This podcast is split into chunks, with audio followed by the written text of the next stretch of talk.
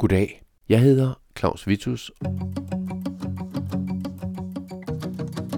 Det her er min første date af den her slags. Det er måske også din første, så jeg vil godt lige fortælle dig, hvad jeg har bestilt til vores date. Jeg tror lige, jeg sætter noget musik på. Det skulle være så godt. Det skulle ligesom bløde det hele lidt op. Bogdate er et program, hvor du dater bøger, og du får lov til at møde fire forskellige bøger, og så kan du selv bestemme, hvem eller hvilken bog du så vil vælge mellem de fire valg, som du har i dag. Som den bog, som du godt vil invitere med hjem og dele sofa eller seng med og have store oplevelser med. Og til at præsentere de forskellige bøger, værker, pamfletter eller hvad der nu bliver præsenteret ved dette firefoldige stævnemøde, så har jeg blandt andre Carsten Jensen til at dykke ned i en af de bøger, som senest har inspireret ham. Den fortæller noget om, hvad litteratur kan. Hvordan den altså på en helt anden måde kan åbne op for mennesker, få dem til at se sig selv.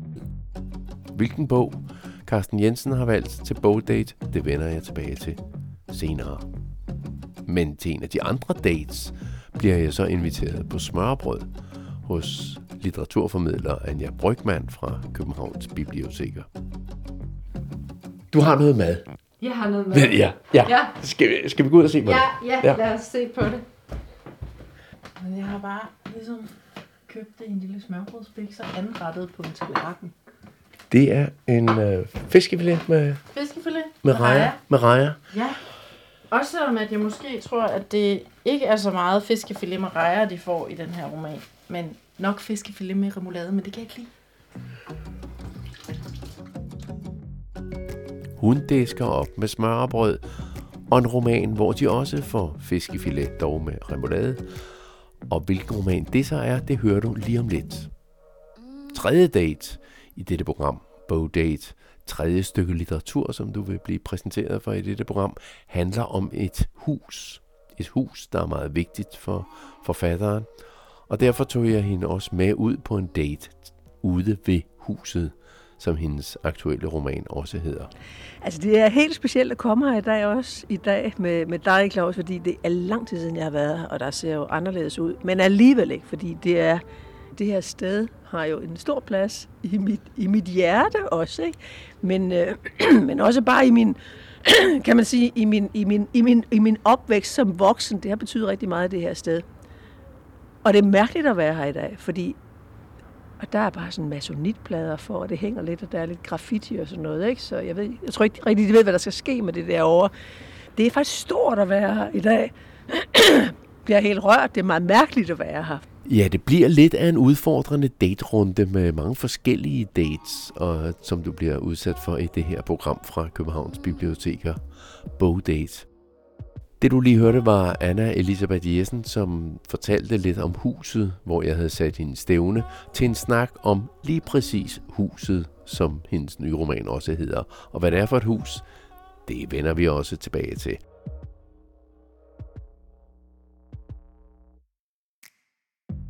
Som sagt, så er dette her både min første organiserede date nogensinde i mit liv, altså hvor man sætter sig ned over for nogle andre, og uden egentlig at kende dem, og så med det ene formål, at man godt vil lære modparten at kende, tage hende, ham med hjem, den i det her tilfælde, altså en bog, og så måske få nogle store oplevelser.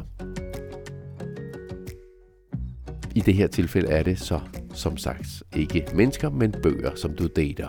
Det er fire meget forskellige i denne bogdate. Der er danske, udenlandske, der er skæbnefortællinger, krimier og en digtsamling.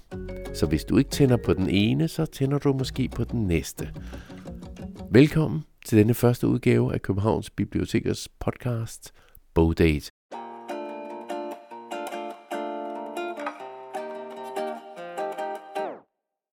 På de 20 biblioteker i Københavns Kommune arbejder bogbegejstrede litteraturglade medarbejdere, som ser det som deres primære formål at videreformidle læselyst til alle, som opsøger dem. Så derfor er datingbyrået her, Bogdate, selvfølgelig startet hos en litteraturformidler. Det er Anja Brygman fra Sydhavns Bibliotek, og hun disker sågar op med smørbrød. Og det er der en ganske god grund til, og den ligger gemt nede i den roman, som hun har taget med til Bodate. Okay, det ser ja. godt ud. Ja, det er en, en ganske traditionel, klassisk dansk stykke smørbrød, øh, i hvert fald købt fra en smørbrødsforretning. Øh, men, men hvorfor er det, at vi skal spise det? Måske skal vi sætte os her ved bordet. Ja.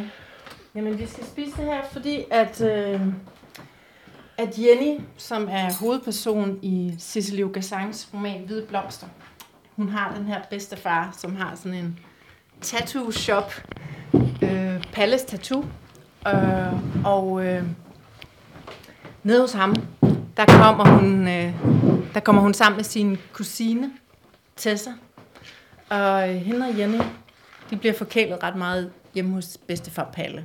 Og, øh, og så får de blandt andet smørbrød, når det går sådan højt for sig. Og de får sarbanar-kager, som øh, han henter til dem, og som de hygger sig med. Og det er på alle måder sådan et rart sted at være i hans lille biks. Og selvom man nærmest kan fornemme Cecil-røgens sammenblanding med den her fiskefilet-duft, og, og så de her tattoo-maskiner, snoren, sådan nogle tattoo-maskiner, som han, sådan, han, han bygger dem selv.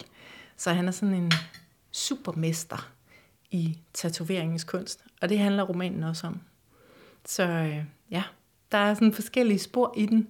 Altså der er den her tatoveringshistorie, og så er der en historie om botanik, øh, som jo er Gassans øh, specialitet. Hun elsker jo det her med, at, der har et, at det har et eller andet naturvidenskabeligt over sig. Hun er også uddannet i det. Øh, og så har den den her øh, historie om misbrug af børn.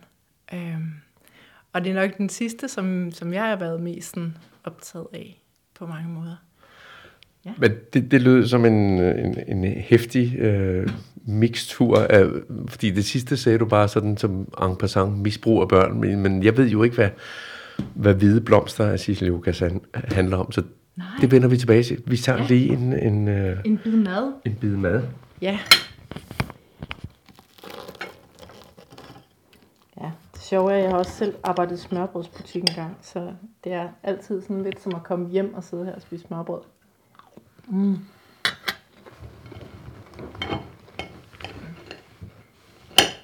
Men så lad os lige hoppe tilbage mm. til hvide blomster. Uh, du skitserede jo lige kort, det handler om botanik, om uh, tat- uh, tatovering og, og så børnemisbrug. Ja. Uh, ja. Hvordan hænger de uh, ting sammen, og hvorfor er det?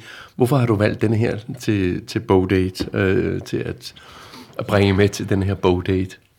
Jamen, jeg tror, at jeg valgte den, øh, fordi altså, den her historie om svigt af børn, den, den synes jeg, at hun får foldet ud på en måde, hvor at man slipper for, altså man, man, man slipper for at få udpenslet den her gru, som det jo er, hver gang, at børn de bliver svigtet og udsat for seksuel overgreb eller vold. Øhm, hun går ligesom ikke, øh, kan man sige, hun går ikke øh, over at den, der begår overgrebets ærne. Hun pensler ikke noget ud. Så hvis man sådan sidder og tænker ved sig selv, hold kæft, den skal jeg i hvert fald ikke på date med, fordi det lyder da godt nok tungt, så kan man øh, ånde øh, lettet op, fordi den er ikke tung. Altså det er den simpelthen ikke. Det er en, en, øh, en bog, som jeg i hvert fald cyklede meget hurtigt igennem, fordi hun har de her sådan spændingstwist, øh, som hun arbejder meget i, og som hun også har arbejdet i i sine øh, tidligere bøger. Så på den måde, så tænker jeg, at hun, hun gør mere af det, som vi, vi, vi kender, hun har gjort tidligere. Jeg tror, jeg bliver berørt af det, fordi jeg sådan, den foregår på Samsø, og der er øh, den her øh, unge pige, Jenny, som vi møder hende, da hun er 13, hun er lige ved at blive 14. Øhm, og hun bor i det her lille samfund, og sådan et lille samfund kommer jeg bare selv fra. Altså ikke et ø-samfund, men sådan en lille bitte by over i, øh, over i Jylland. Og øh, der hvor jeg boede, så øh, på et tidspunkt, da jeg var barn, så blev naboen anholdt, og han blev sat i fængsel, fordi han havde øh, misbrugt sin steddatter seksuelt. Og lidt længere ned ad vejen, så var der sådan et lille søskende par, og øh, det tog lang tid, inden at myndighederne de ligesom øh, gjorde noget ved det, men efter at de havde stået og tikket mad over på den lokale grillbar flere gange, fordi de ingen mad fik, så øh, var der endelig nogen, der kom og, og tog dem fra deres meget fordrukne forældre. Så det der med at være et lille sted, hvor at tingene de kan sådan ulme under overfladen, og man som barn på en måde registrerer noget, men alligevel ikke helt forstår, hvad det er, der er på spil. Altså det kunne jeg virkelig, øh, det kunne jeg sætte mig enormt meget ind i, i den her roman. Og så synes jeg også bare, at, at det tidspunkt, altså når man møder sådan en pige, der er 13, lige omkring 14, at det, at det er sådan et, et stærkt sted at stå i sit liv. Altså et stærkt erindringssted også for mig. Øhm, at være det sted, hvor man er lige på kanten mellem, at man er meget barn, men man er også på vej til at blive voksen, og der er en hel masse illusioner, som måske brister for en. Og sådan synet på ens forældre. Og det er meget på spil i romanen, fordi at Jenny har den her ret fantastiske mor, Kirsten Marie, kaldet Kisser, som også er tatoveret selvfølgelig, ligesom bedstefar Palle. Det er ligesom noget, der runs in the family. Øhm, men hun har også, øh, hun har også nogle meget sådan håndfaste principper. Man lyver ikke for familien, og man, man skal ligesom, man skal sige tak for mad, og man skal pr- kunne præsentere sig, og man skal læse nogle bøger, og man skal forskellige ting. Det går hun meget op i, ligesom. Øh, og Jenny, hun i starten af romanen sådan forguder hende. Hun sætter hende op på en pedestal, ikke? Hendes mor, ah, hun er bare det bedste.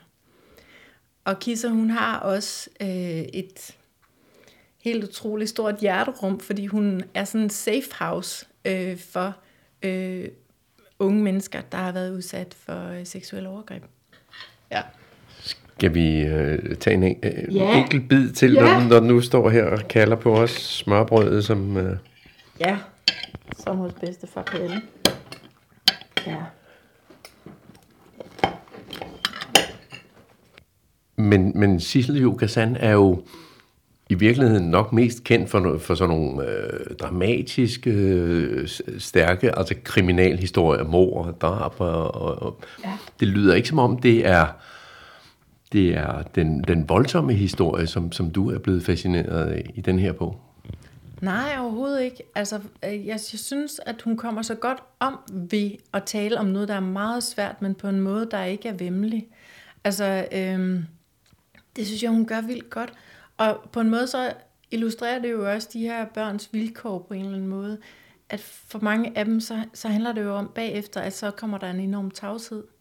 Fordi de tit bliver truet af voksne til ikke at sige noget. De bliver truet med, at der kan ske dem noget, eller deres kære, eller så videre, at de ikke må sige noget. Og på en eller anden måde, så synes jeg, at, at det smelter så godt sammen, det her med, at, at der er nogle ting, som faktisk ikke bliver sagt højt. Altså, at, det, at på en eller anden måde, så tager hun børnene og de unges parti ved ikke at udpensle det, men, men på en eller anden måde lade det være der. Det hun i stedet for ligesom synliggør det dramatiske i det, det er jo bøjet nakker. Altså børn, der har fået tæv med bøjet nakker. Altså hvor man kan sige et hårdt ord, og så går de lige, så går de i forsvar lige med det samme. Altså hun beskriver det også som, der er en, en lille dreng, som har fået tæv af sin bror og sådan sin voksne storebror. Og hvordan, at når de taler hårdt til ham, så krakelerer han. Altså så, så den der lille bitte forsigtige facade, man bygger op, når at der er nogen, der er gode ved en, at den kan, den kan gå i stykker i løbet af ingen tid. Altså hvor skrøbeligt det er også at prøve at putte det gode i de her børn og unge, efter at de har været udsat for noget, som langt hen ad vejen er så enormt ødelæggende for dem. Så altså, jeg synes, hun har stadigvæk, jeg sang den her meget dramatiske historie, øhm, og som er spændende som en krimi, fordi der er også noget i, i, i den her botanikhistorie omkring en fascination af giftige blomster osv. Jeg skal ikke øh, forklare, hvordan alt muligt hænger sammen, men, men, men hun, hun spinder det simpelthen så godt, og det er bare interessant at læse, og det går, øh, det går tjept derudad. Jeg synes, det hun gør så godt, det er, at hun, hun binder det sammen. Altså jeg føler ikke, at jeg har siddet og læst en roman, der strider i alle mulige retninger.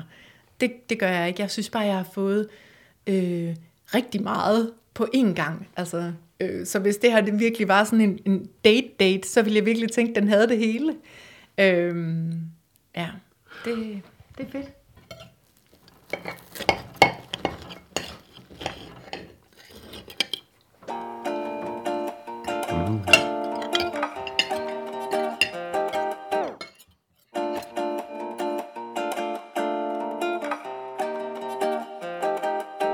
Det var litteraturformidler Anja Brygman fra Sydhavnens Bibliotek i København, som diskede op med både fiskefilet og ikke mindst bogen Hvide blomster af Cislio Gazan. Jeg skal nok lave en liste her på podcastfilen, så du altid kan genfinde navne på dem, som du godt vil huske, og måske dyrke yderligere. Men hvis Sissel Gazans hvide blomster nu ikke tændte dig, så kan det være, at den næste gør.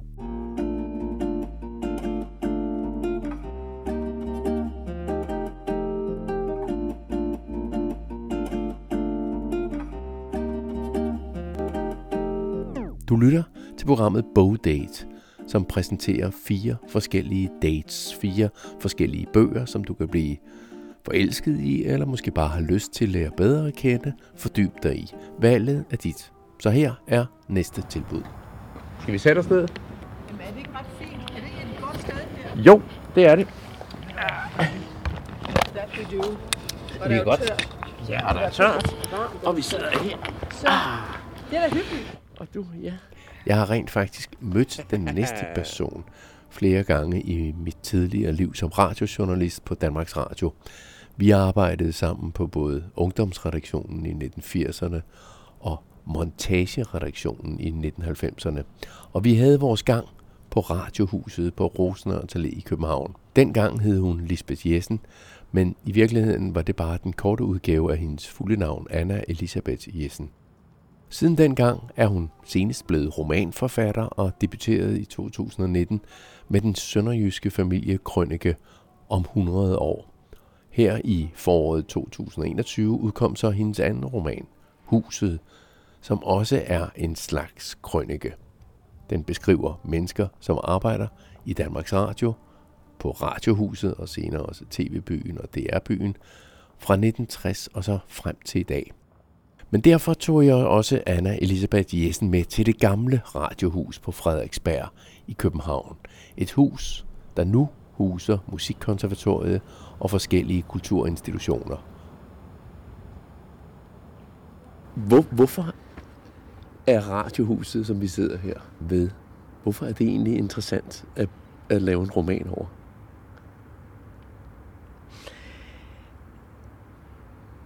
En roman over, det kan du godt sige, ikke? Fordi det er en roman, og det er fiktion. Og det er overhovedet ikke noget, der hedder en til en, et til et i det her, i det her tilfælde. Men selvfølgelig er det sådan, at øh, Radiohuset i, øh, i København på Rosenørns Allé spiller en rigtig stor rolle i romanen. Og romanen begynder i 68 med øh, en pige, der arbejder her i Radiohuset, øh, hvor vi sidder lige foran nu, det gamle Radiohus. Radiohuset er øh, en kulturinstitution. Det er et sted, som har en plads, ikke kun i hjertet på alle de mennesker, der er gået ud og ind af det her hus, men også i, ved at tro, resten af Danmarks befolkning, som forholder sig til radiohuset på en eller anden måde. Derfor er det oplagt at have sådan et radiohus som ramme om en kollektivroman roman. Men du har jo også haft din gang her, så, så, så hvad, hvad er det for nogle, øh, en oplevelse, du har? For eksempel nu, AS, øh, vi er lige gået rundt om Radiohuset, sidder i indergården, og man kan måske høre, at der er nogen fra konservatoriet, der øver op i korprøvesalen, som den hed, også i gamle dage rent faktisk. Det er jo nu det kongelige danske musikkonservatorium. Men, men hvad, hvad er det for nogle følelser, du får ved lige at gå forbi den her gamle bygning Altså, det er helt specielt at komme her i dag også, i dag med, med dig, Claus, fordi det er lang tid siden, jeg har været her, og der ser jo anderledes ud. Men alligevel ikke, fordi det er, det er jo de gamle bygninger, ikke? Jeg begyndte herinde i 1981 som journalistpraktikant, og jeg kan faktisk sidde og kigge lige over på den bygning, tredje sal lige herovre for, hvor kulturredaktionen havde, redak- havde sin redaktion, som var sådan lidt udenfor for øh, radiohuset, men vi kunne gå herover. Vi var meget, meget tæt på. Så radiohuset, det var det centrale i mit praktiksted som journalistpraktikant dengang. Så jeg kan se, deroppe på tredje sal, der var kulturredaktionen, hvor Erik Nørgaard var min praktikvejleder. Han var redaktør i den redaktion.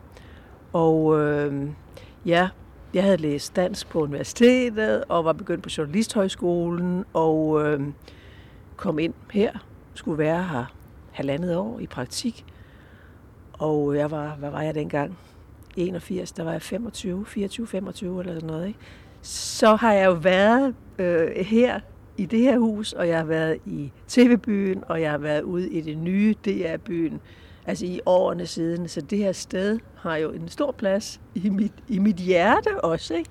Men, øh, men også bare i min, kan man sige, i min, i, min, i, min, i min opvækst som voksen. Det har betydet rigtig meget, det her sted. Og det er mærkeligt at være her i dag, fordi altså, der er jo ikke, det, Danmarks Radio, det er ikke her mere. Det er ikke her. Det, der er, som du sagde, der er musikkonservatorium nu. Men når du satte lige præcis den her ramme for, for en, en roman, som så også hedder Huset, øh, men var det sådan et, et gør regnskabet op med Danmarks Radio?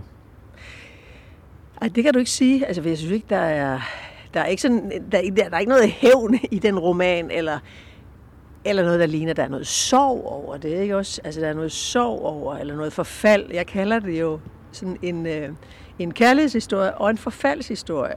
Og forfaldshistorien, det er sådan, for mig det der med, at der er noget, der er vokset det her sted er vokset og blevet meget stort. Altså først med at sammenlægge og komme til TV-byen, og så bagefter ud i DR-byen, som blev rigtig stort, ikke? som blev alt for stort. Og det vil enhver sige, at et byggeri, der blev alt for stort, og hvor der er rigtig meget plads mellem skrivebordene.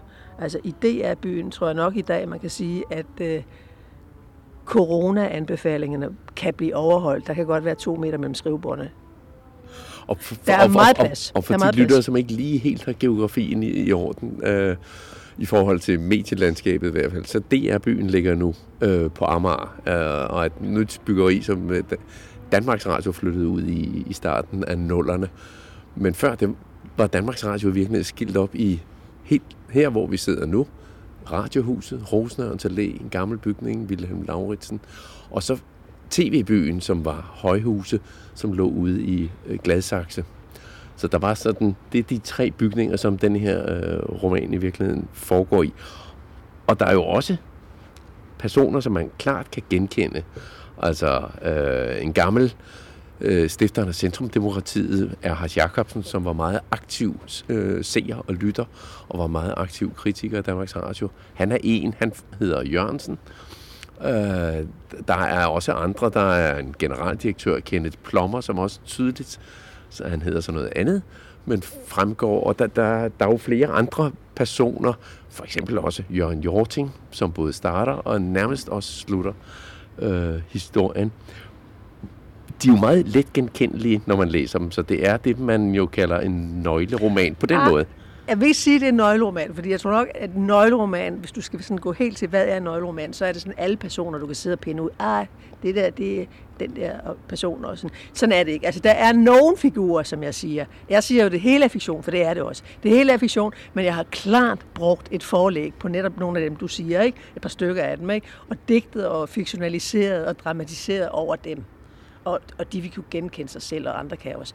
Men, men det er ikke en nøgleroman som sådan, og jeg har virkelig skrevet romanen også, så at du behøver ikke at have haft noget med, med Radiohuset, eller TV-byen, eller DR-byen at gøre, eller være et mediemenneske, for ligesom at kunne forstå, hvad den her øh, roman handler om. Fordi den er, altså, vi snakker meget om bygninger lige nu her i begyndelsen, ikke? Men, men hele romanen er jo båret af, det er sådan en, en, det er en kollektiv roman, båret af øh, karakterer, forskellige synsvinkler. Jeg giver jo de her, de her øh, mine hovedpersoner synsvinkler. De får selv en synsvinkel i, øh, i romanen, og jeg har brugt sådan lidt den samme. Så her er der ved at blive ryddet op i baggrunden, ja. Jeg har brugt sådan lidt den samme måde at skrive på som min debutroman fra, fra, fra for to år siden, som, jo, som jeg også, sådan set også kaldte en kærligheds- og forfaldsroman, hvor, hvor, hvor øh, rammen var en gammel gård på landet. Ikke? Og, og så var der så alle de her personer ud og ind af den her gård og familien, og, øh, og fortalt og båret af de der forskellige hoved, hovedpersoner. Og på samme måde med den her roman, den har også sådan de der mange forskellige synsvinkler. Der bliver smidt noget ud her. Så, øh, så ja, altså nogen af karaktererne, kan du sige, det er ret tæt på, på nogle personer, du kender og kan huske, fordi du også har arbejdet på DR, for eksempel, og andre vil kunne genkende de fleste er frit opfundne, og som, som overskrift vil jeg sige, at alt er fiktion. Men øh, ja. Men udover at, at, at det er en, et, et dyk ned i medieudviklingen, og primært hvad Danmarks Radio, så er det også øh, parforhold. Altså, øh, jeg tror ikke, at der er nogen af de parforhold, som du får beskrevet, og dem er der en del af, af de personer, som, som har deres liv omkring huset, altså radiohuset primært og tv-byen. Men der er jo ikke nogen af dem, som holder ved. Alle bliver skilt, går fra hinanden, boller ved siden af, eller, altså, det hele er jo nærmest i opløsning. Hvordan kan det være? Og det er jo sjovt, fordi det er det andre, som der også har sagt til mig at påpege, og jeg synes egentlig ikke, der er så meget egentlig på den måde. Jo, det er rigtigt, der, altså forholdene går i stykker, og folk bliver gift og sådan noget. Men, men uh, romanen... Og skilt. Og skilt, ja. Romanen og har jo, Og gift igen. Romanen har jo sådan en, en... Romanen har en tidsramme på 50 år, og det er rigtig meget, ikke? Altså, der er også nogen, der slet ikke bliver gift, for eksempel, ikke? og der er også nogen, der får et barn, og så bare det, ikke? Men, men, men der er jo kun... Øh, altså, jeg tror egentlig ikke, at, at, at de bliver gift og skilt og går fra hinanden og, og boller så meget ved siden af, som alle mulige andre steder egentlig. Du skal regne med, at det foregår over 50 år, det her, ikke? Men det er da givet, at den her tid, 68, der er det sådan, der er sådan ægteskabet og samfundsstrukturerne, der er mange ting, der er under opbrud, ikke? Og, og det, det er der også i min roman. Altså, der er hele den der nye måde at leve på, kollektiv og øh, ja, p-pillen kommer også inden for den der periode. Ikke? Der er en helt anden... Øh, altså det er helt den der moderne tid, som vi har levet i, som, som jeg har prøvet, at, eller altså ikke som jeg har prøvet, som er i romanen, ikke? fra 68 til 18. Der er rigtig meget af mig i, i alle personerne, faktisk. Ikke? Fordi øh, øh, selv i de dumme svin også, ikke? eller der er måske kun et rigtig dumt svin i romanen. Måske. Men altså, jeg giver dem i hvert fald lidt, øh, lidt forståelse og baggrund, og øh, jeg forstår dem. Altså, så, så der er noget af mig i dem alle sammen. Det vil sige både i, i mændene og i kvinderne. Øh, der er ikke én person, altså jeg er ikke Kirsten, altså jeg er jo journalistuddannet og begyndt som journalist, og jeg læste på universitetet og sådan noget, så jeg er ikke Kirsten, som, som er den der kvinde, der begynder romanen, som er kontoruddannet og som kommer fra en stovt socialdemokratisk arbejderfamilie i København. Det er jo ikke mig. Altså, jeg kommer fra Sønderjylland, er en helt anden figur, ikke? Og øh, altså, jeg, jeg vil sige, jeg har puttet mig ind, jeg har lagt mig ind i dem alle sammen. Og det, det, det, det er rigtig sjovt, når man, når man skriver fiktion, som jeg er begyndt på at gøre nu. Det er min anden roman. At, at, øh, at kunne skrive sig ind i de her personer, ved at tage de der, deres, deres synsvinkel, som jeg har gjort. Så derfor er der noget af mig i dem alle sammen. Men apropos det der med at, at være begyndt på at skrive fiktion, den anden roman, hvad, hvad er det, der er, øh, synes du, fascinerende ved at arbejde med fiktion, for du har arbejdet med, som sagt, som man kan forstå jo, med journalistik det meste af dit liv, og det meste øh, inden for Danmarks Radio, øh, i regi af Danmarks Radio og radio, og været prisbelønnet for de montager, du har lavet. Hvorfor var det så pludselig attraktivt at begynde at lave fiktion? Altså et, et langt svar. Det vil jeg godt have. På et tidspunkt gik jeg på øh, manuskriptlinjen på filmskolen, og, øh, og det tror jeg også, det kan man også se den der måde, jeg har senere har, har bygget radiomontage op på, og også den måde, jeg har lavet øh, dokumentarfilm på, med simpelthen at bruge sådan en, en, en fiktionsdramaturgi, en fiktionsmåde at arbejde på, og sætte historierne sammen der, der, snupper jeg jo, der snupper man jo greb fra fiktionen, når man arbejder på den måde. Men jeg har altid skrevet. Jeg har jo skrevet, fra jeg var barn og ung, og har virkelig altid læst rigtig meget fiktion også. Læst virkelig, virkelig meget, og gør det stadigvæk. Og, men har hele tiden været blevet kastet ind i, øh, i projekter, som jeg synes var spændende. Altså både radio og tv, og jeg har undervist og sådan noget også. Ikke? Og, det, øh, og så har bare hele tiden skubbet, skubbet, skubbet, at øh, på et eller andet tidspunkt, så skal du skrive. Og, og, og, ja. og så er det så det, der er det fascinerende, synes jeg, øh, ved at skrive nu. Når man arbejder som dokumentarist, når man arbejder med, altså med, med, med, med hvad folk siger, og bygger op og sætter sammen og redigerer og sådan noget, så siger de jo ikke rigtig, måske, de siger måske ikke altid det, de burde sige, øh, det, de burde sige, eller skulle sige, eller hvad var det bedste at sige, at man sidder der og venter på, siger de nu ikke lige det, ikke også? som ville være rigtig godt, og det gør de ikke. Når, du så, når man så skriver fiktion, så kan jeg bestemme det hele. Så er det mig, der bestemmer det hele, hvad de skal sige, og, ja, og hvad handlingen skal være. Sådan. Altså det er jo det, der er det besnærende. Det er det, der er det tillokkende, og det er fantastisk dejlige, og det frigørende ved at skrive fiktion pludselig. Samtidig med, så er det den store frygt også, fordi man er ansvarlig for alt. For hvert et punktum, for hver en tanke, mine personer har. Er de banale? Er de dumme? Hvordan er de? Hvordan er forfatteren, der styrer det hele bagved? Er hun i virkeligheden banal, idiot, et eller andet, eller har hun det store overblik, som hun tror som dukkefører. Ikke? Altså, så det, altså, det er kun mig, der, der må tage skylden for det hele. Hvor du, når du er dokumentarist og arbejder med det, så er det jo dine personer, som du sætter sammen, gør noget ved, som øh, også bliver, tager medansvaret for produktet. Ikke? Så, der, så der er sådan en dobbelthed i det. Øh, men jeg synes, det er fantastisk at skrive. Altså, jeg synes, det er øh, totalt frigørende. Samtidig med, at jeg faktisk glad for, at jeg har ventet så lang tid øh, med at skrive, og, øh, altså skrive fiktion og debutere. Jeg kan fortælle en historie. Sidste år der mødte jeg en, en svensk forfatter, der hedder Klaas Østergren, som øh, er blevet oversat til dansk også. En roman, der hedder Gentleman. Den skrev han, da han var ganske ung. Så skrev han her for to-tre år siden i en skov af sumak, øh, som, som faktisk øh, jo også handler om hans ungdomstid. Ikke? Jeg fortalte ham så, at jeg var debuteret sådan i en sen alder. Vi er faktisk jævnaldrende, som sagt. Ikke? Og så fortalte jeg, at jeg var debuteret, og, øh, og så sagde han, hold da op, bare du mig, der havde ventet med at debutere, til jeg var sådan i 50'erne eller omkring 60 år. Fordi når han sådan kiggede på sit ungdomsværk, for eksempel den der Gentleman, så synes han, den var så løst skrevet. Ikke? Og når han så selv sammenlignede den med i en skov af sumak, som er stramt kombineret, så synes jeg, jamen, der kunne man jo se, at øh, ja, der var den der udvikling. Og det kan jeg da også godt se. Altså, jeg synes også, at en skov af Sumak er bedre end Gentleman. De er nu gode begge to. Ikke? Men jeg har det selv sådan, at øh, hvis jeg havde skrevet øh, en roman i en alder af 25, og ikke havde været journalist og dokumentarist, og havde rejst rundt i verden og oplevet nogle ting også, jeg tror ikke måske, jeg nødvendigvis havde ville give læse det, jeg selv skrev som 25-årig. Fordi, øh, jamen, øh, hvad? Altså, Øh, måske, men altså sådan har jeg det i dag. Ikke? Altså, jeg synes, jeg har, no, jeg synes, jeg har nogen, jeg, jeg, jeg synes, jeg har nogen, øh, øh, noget erfaring og nogle historier, og også andre folks historier at, at, at, at byde på og bygge på. Øh, så jeg på en måde, selvom det er sent, så er jeg egentlig meget glad for, at jeg ventede med at debutere til, til så, så sent som nu.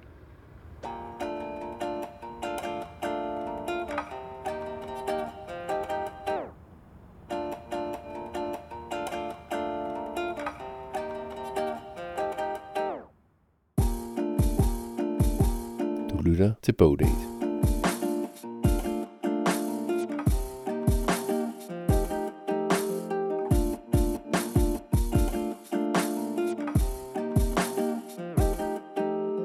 Fordelen med denne her podcast er, at du kan stoppe og gemme den, hvis du allerede nu har fundet din næste partner i litteraturen, den næste bog, som du vil kaste dig over. Om det så er Huset af Anna Elisabeth Jessen, som du lige har hørt om, eller om det skal være Sissel Okazan, som du vil slæbe med hjem og fordybe dig med, det er sådan set op til dig. Du kan også godt tage begge to. Og der er flere dates tilbage. De næste to forfattere er mænd. Ikke bare dem, som anbefaler bøgerne, men også dem, som har skrevet dem. Men forfatternes køn tror jeg sådan set ikke betyder så meget her. Det er mere den oplevelse, du kan få med hjem. Så hvis du er klar til endnu en bogdate, så kommer der en til her, og det er i virkeligheden lidt af en speed date. Det er nemlig mig selv, der skal anbefale en digtsamling. Og i starten af nullerne mødte jeg den bosniske flygtning Alen Meskovic, som havde ambitioner om at blive forfatter. Jeg læste hans skriverier igennem hjemme hos ham i hans lejlighed i København. Han var kommet til Danmark som uledsaget flygtning, og på mindre end 10 år havde han lært, ja ikke bare lært det danske sprog, men han havde lært at lege med det danske sprog, og samtidig havde han også holdt, fastholdt måske i virkeligheden, en speciel bosnisk lyrisk tone i hans måde at sætte ordene sammen på. De skitser, som jeg læste dengang, blev hans første digtsamling, udgivet på Gyldendal i 2009. Jeg tog senere en reportagetur med ham tilbage til Bosnien, ned til hans fødeby Derventar og ned til hans gamle far, som nægtede at forlade det hjem, som han engang var blevet tvunget væk fra, da serberne ville udrense byen for bosniakker.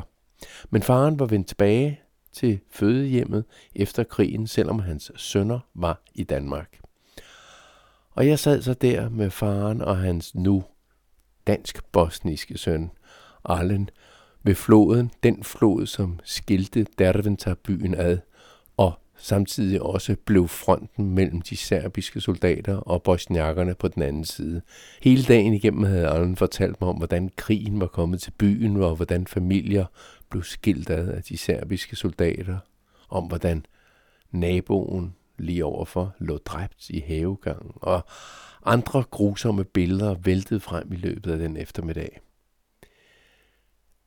Men jeg blev overbevist om, at de grusomme billeder, som skulle være i reputation, skulle følges af et af Arlens digte, som han havde fået udgivet i 2009.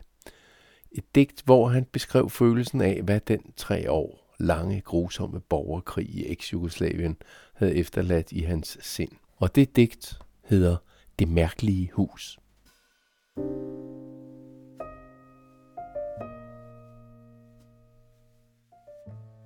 Huset, hvor krigen har boet, er et mærkeligt hus. I tre år har tre mennesker åbnet en dør og oplevet, at alle vægge forvandles til glas, når man træder ind over tærsklen. Tænder man et lys, blændes alle vinduerne, og taget bliver hængende i luften som en omvendt åben bog. Det sker ved enhver ankomst. At være udenfor betyder at eje huset. At være indenfor at huset ejer en. Særligt om sommeren er udsigten over floden og den modsatte bred et syn værd. Og om natten kan man høre en stemme fra kvisten, en stemme, der visker eventyr på vildt fremmed sprog, hvor igennem ordet hjem vandrer uforandret forandrende. Det sidste jeg selv husker fra dette hus, hvor ingen længere tør læne sig op af en drøm, af et ansigt og en stemme bag ansigtet, der fortæller mig, at mit liv, det andet, først nu begynder. Bag ordene, men ikke her, hænger der et tyndt og stedvist gennemhullet gardin, hvis runde huller forsikrer mig om, at jeg står ved et vindue. Vinduet er endnu ikke blevet til en væg, og floden, der bruger hullerne til smule lysglimt fra et sprogskib ind i huset, flyder mod nord, hvor vandrende stemmer visker forankrende ord. Et hus er ikke et hjem, før det forlades.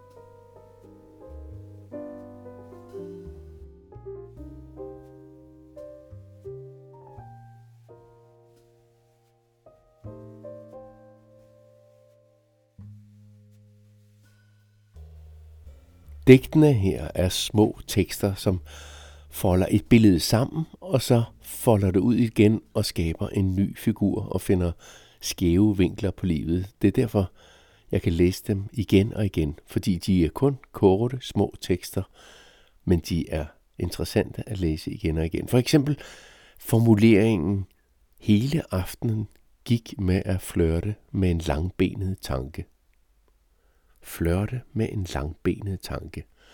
Den slags er der masser af. Og hvis det har vagt din nysgerrighed, og hvis du vil vide mere, så hedder digtsamlingen Første gang tilbage, og forfatteren er altså Allen Meskovic.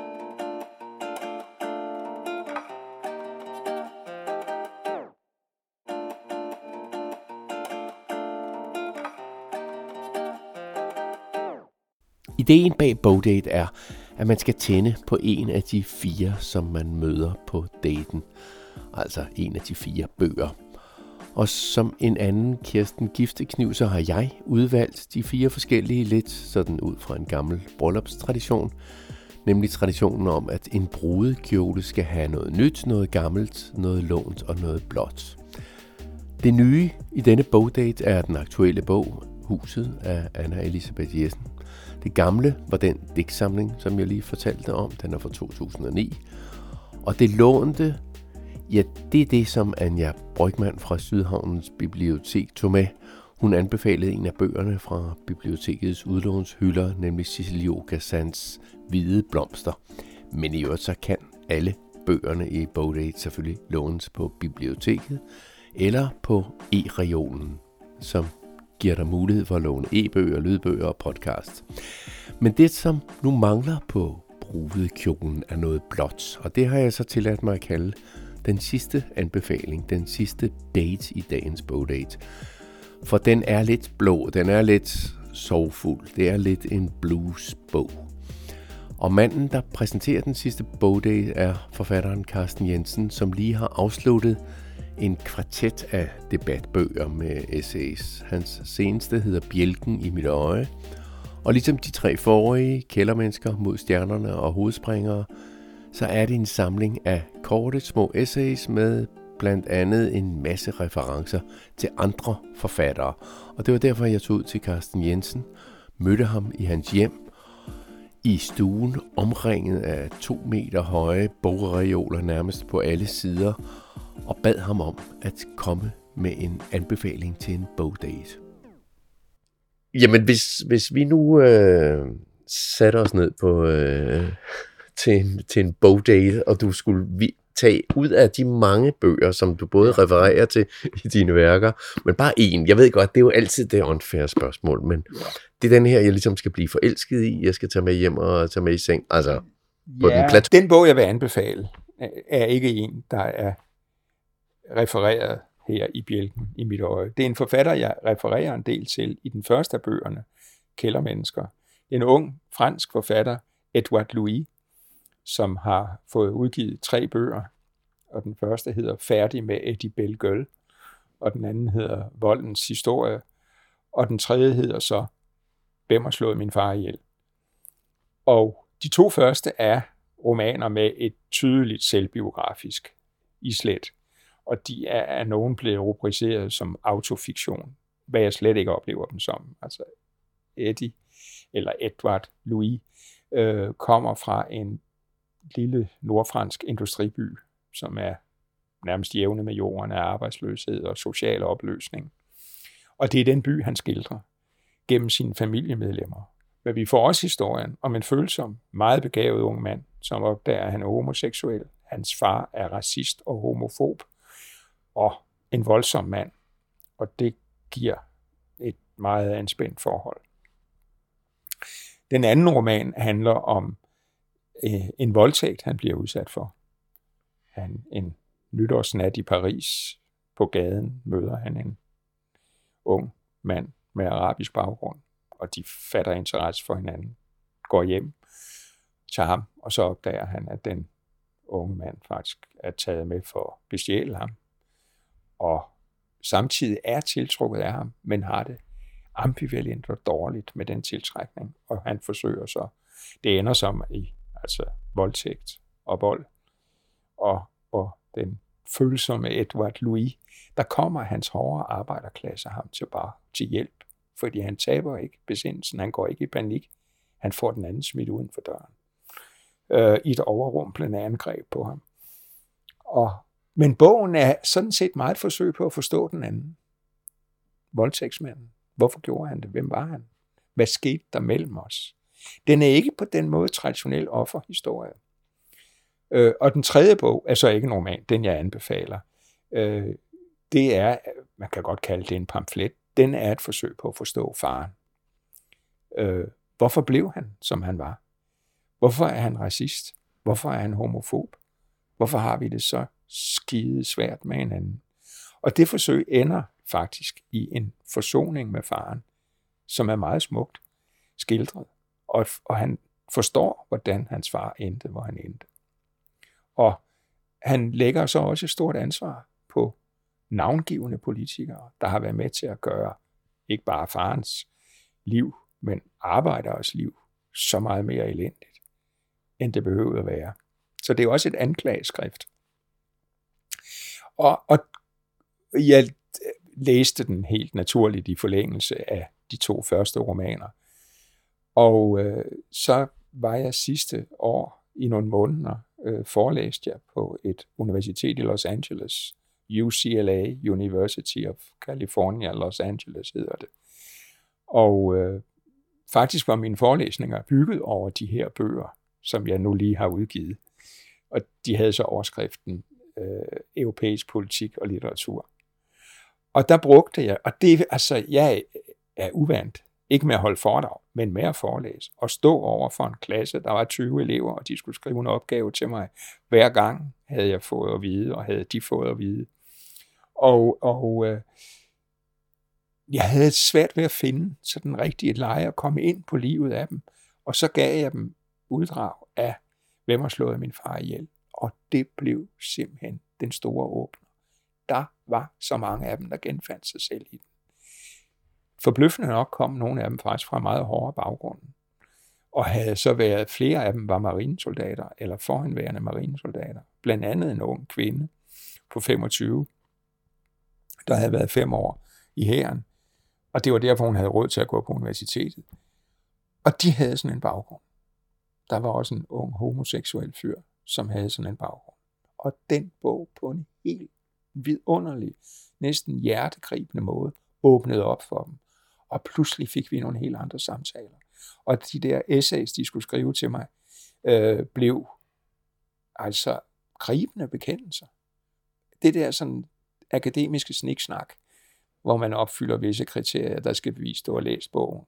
Altså, og sådan fodnoteagtigt har nogle kritiske indvendinger. Det hører det helt op.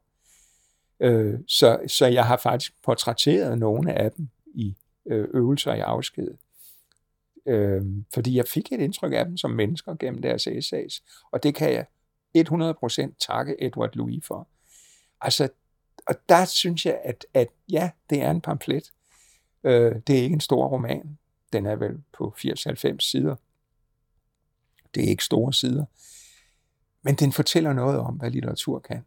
Hvordan den altså på en helt anden måde kan åbne op for mennesker. Få dem til at se sig selv.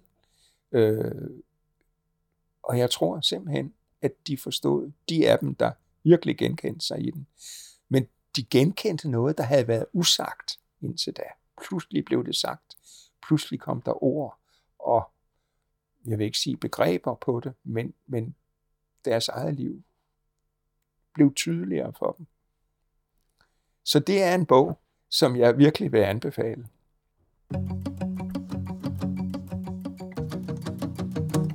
Fandt du noget? Var det en god dag? Du har nu fået et indtryk af fire forskellige bøger i denne udgave, første udgave af Bogdate fra Københavns Biblioteker. Sidst var det her Edvard Louis lille bog, Hvem slog min far ihjel, anbefalet af forfatteren Carsten Jensen. Og før det var det en digtsamling, første gang tilbage, af Allen Meskovic.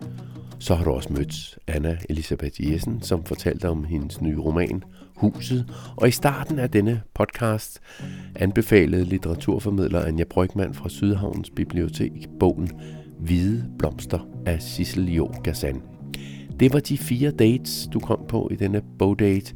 Find også bøgerne på litteraturlisten til denne podcast, som du kan finde, hvis du råder rundt inde på din smartphone eller computer.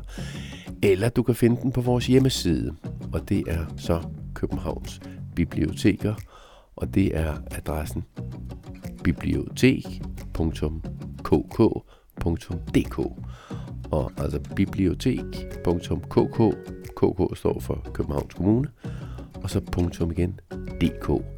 Der finder du under overskriften Lyd også andre podcasts, som du kan gå ind og lytte til, for eksempel Månedens Forfatter, som er en månedlig podcast, senest med Helle Helle og Svend Brinkmann. Du kan selvfølgelig også finde bøgerne, som vi har omtalt her på biblioteket. Denne første udgave af podcastmagasinet Bogdates kommer i øvrigt samtidig med, at alle biblioteker i Danmark har fået lov til at slå dørene op igen efter en længere nedlukning i 2020 og 2021. Alt sammen, ja, på grund af coronaepidemien. Bogdate kommer igen om nogle uger med blandt andre Carsten Jensen om hans seneste essaysamling Bjælken i mit øje, og forfatteren Martin Kongstad kommer med en anbefaling, en anbefaling af den amerikanske forfatter Henry Miller. Og der er også andre anbefalinger undervejs til den næste bogdate. Hold øje med den der, hvor du finder dine podcasts, Og jeg håber, at vi skal mødes igen, og jeg håber, du fandt noget på denne date, som du kan hygge dig med indtil næste gang. På genhør, mit navn er Claus Vitus.